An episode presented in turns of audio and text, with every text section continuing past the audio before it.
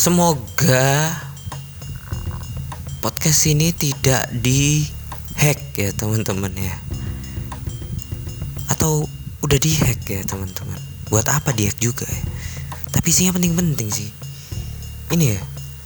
Soalnya satu Indonesia ini lagi berburu Biorka.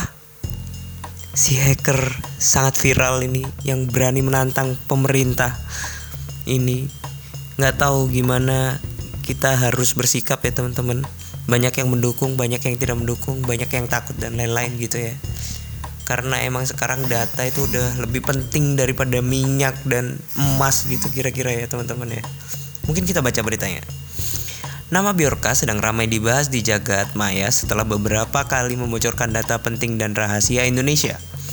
Salah satunya data dokumen milik Presiden Joko Widodo. Tidak hanya itu, hacker ini juga meretas beberapa data milik warga Indonesia seperti data SIM card dan lain sebagainya. Dan baru-baru ini Biorka beraksi lagi dengan mengungkap dalang dibalik pembunuhan Munir Said Khalid melalui cuitan di Twitter. Tujuan Biorka masih belum diketahui kepastiannya. Namun melalui cuitan di akun Twitternya, dia mengaku melakukan hacking karena tahu beberapa bobroknya sistem perlindungan data yang dikelola oleh pemerintah. Hal itu membuat dia bisa masuk ke dalam celah sistem data. Selain itu, ia juga melakukan peretasan karena untuk membantu teman Indonesianya di Warsawa, ibu kota Polandia, Temannya sering bercerita tentang betapa kacaunya negara Indonesia. Oke. Pemerintah saat ini dengan gencar memburu hacker Biorka. Untuk melakukan pemburuan dan mengatasi masalah kebocoran data, pemerintah telah membuat satuan tugas Satgas Perlindungan Data yang terdiri dari Badan Cyber Sandi Negara BSSN, Kementerian Komunikasi dan Informatika, Polri dan Badan Intelijen Indonesia. Negara maksudnya. BIN ya. Namun hingga saat ini polisi baru menetapkan seorang pemuda asal Madiun bernama Muhammad Agung Hidayatullah umur 21 tahun MAH sebagai tersangka atas kasus peretasan data-data milik pemerintah. Kayaknya ini dibebasin nih kalau nggak salah ya teman-teman. MAH ditudingi sebagai salah satu bagian dari kelompok hacker Biorka. Kepada penyidik, MAH mengaku motifnya ingin mendapatkan keuntungan selain itu mempromosikan kelompok hacker Biorka. Keterangan tersangka MAH masih dapat didalami oleh tim khusus. Belum bisa disimpulkan MH hanya simpatisan atau memang masuk ke dalam struktur hacker Biorka. Polisi menegaskan pemburuan terhadap kelompok Biorka tak berhenti sampai di MH.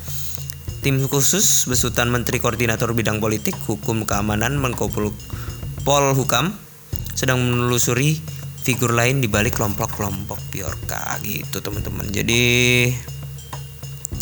ya untuk data ya ini kan aku kebetulan juga lulusan teknik informatika gitu teman-teman ya Un, rutin lah kalian mengganti password di akun sosial media email dan lain-lain gitu teman-teman dan jangan mudah nyebarin nomor telepon ke mana?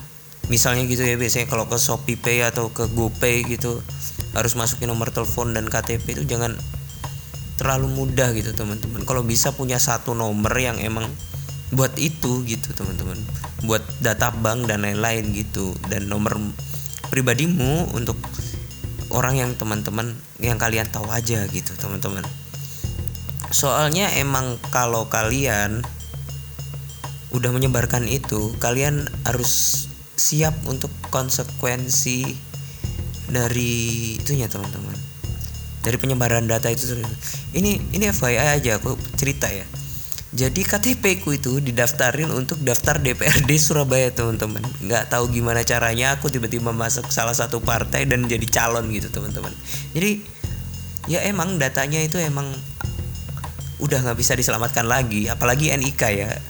NIK itu kayaknya udah dat salah satu bentuk data yang emang udah nggak bisa kita selamatkan dari kebocoran datanya gitu teman-teman soalnya gimana lagi soalnya nomor kita harus pakai NIK peduli lindungi kita harus pakai NIK ngurus-ngurus yang lain harus pakai NIK dan lain-lain gitu teman-teman mungkin yang mungkin bisa dijaga itu paspor mungkin ya teman-teman kayaknya itu kebocoran data itu kayaknya simpel banget itu cuma data dan lain. Tapi bisa aja data itu digunakan untuk contoh ya misalnya ya.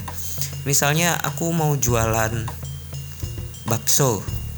Nah habis itu aku mau curi data dari kalian siapa aja yang suka bakso itu bisa dapat teman-teman. Dari misalnya siapa aja sih yang gojek bakso harganya berapa sih dan lain-lain gitu. Nah dengan kayak gitu nanti kebutuhan itu ya kebutuhan apa ya? Bukan kebutuhan ya. Istilahnya kayak kelas-kelas kalian itu diketahui dan itu sangat bakal tidak nyaman teman-teman. Jadi siapa pun itu hati-hatilah dengan data kalian. Dijaga dengan baik-baik. Jadi iya memang berharga data itu teman-teman. Dan sangat mudah untuk dimanfaatkan teman-teman.